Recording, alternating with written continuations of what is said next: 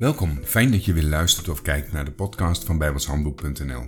De podcast waarbij we bepaalde begrippen uit de Bijbel uitvoerig bespreken. In deze podcast gaan we verder met het begrip wedergeboorte. Het woord wedergeboorte, of wederom geboren worden, of wedergeboren worden, komt maar zes keer voor in de Bijbel.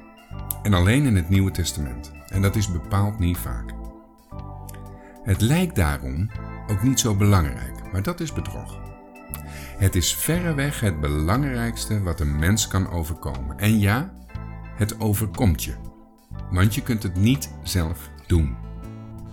Dat jij ooit geboren bent, komt ook omdat je ouders dat zo graag wilden.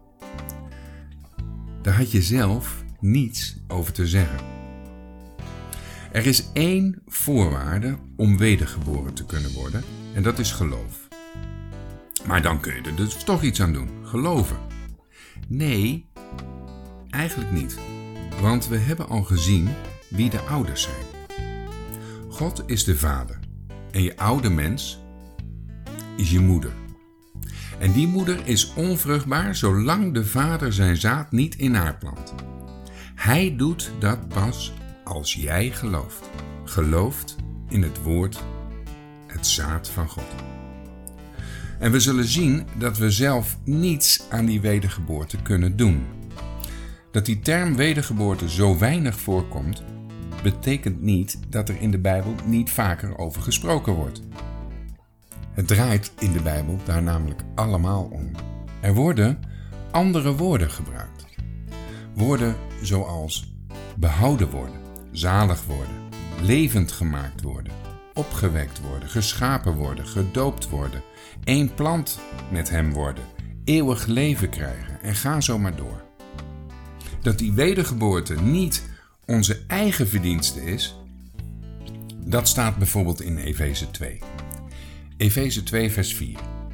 Maar God, die rijk is in barmhartigheid door zijn grote liefde waarmee hij ons liefgehad heeft, ook toen wij dood waren door de misdaden, heeft ons levend gemaakt met Christus. En dan volgen een tussenzin die wel belangrijk is, maar niet direct met dit onderwerp te maken heeft. En daarom gaan we verder met vers 8. Want uit genade zijt gij zalig geworden door het geloof. En dat niet uit u, het is Gods gave. Niet uit de werken, opdat niemand roemen. Want wij zijn zijn maaksel, geschapen in Christus Jezus.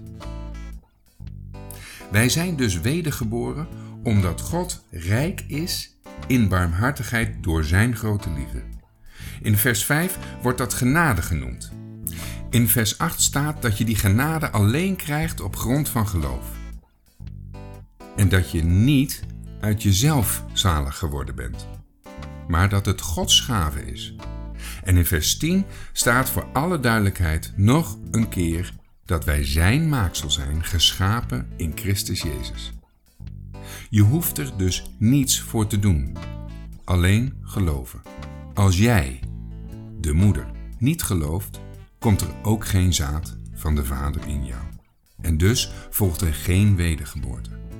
Zonder het woord van God gaat het niet. Het is dus verreweg het beste om het evangelie aan te nemen. Het evangelie. Net was het nog zaad. Ja, inderdaad. Maar wat is het verschil eigenlijk? Neem het maar aan. De volgende keer gaan we weer verder met het behandelen van de wedergeboorte.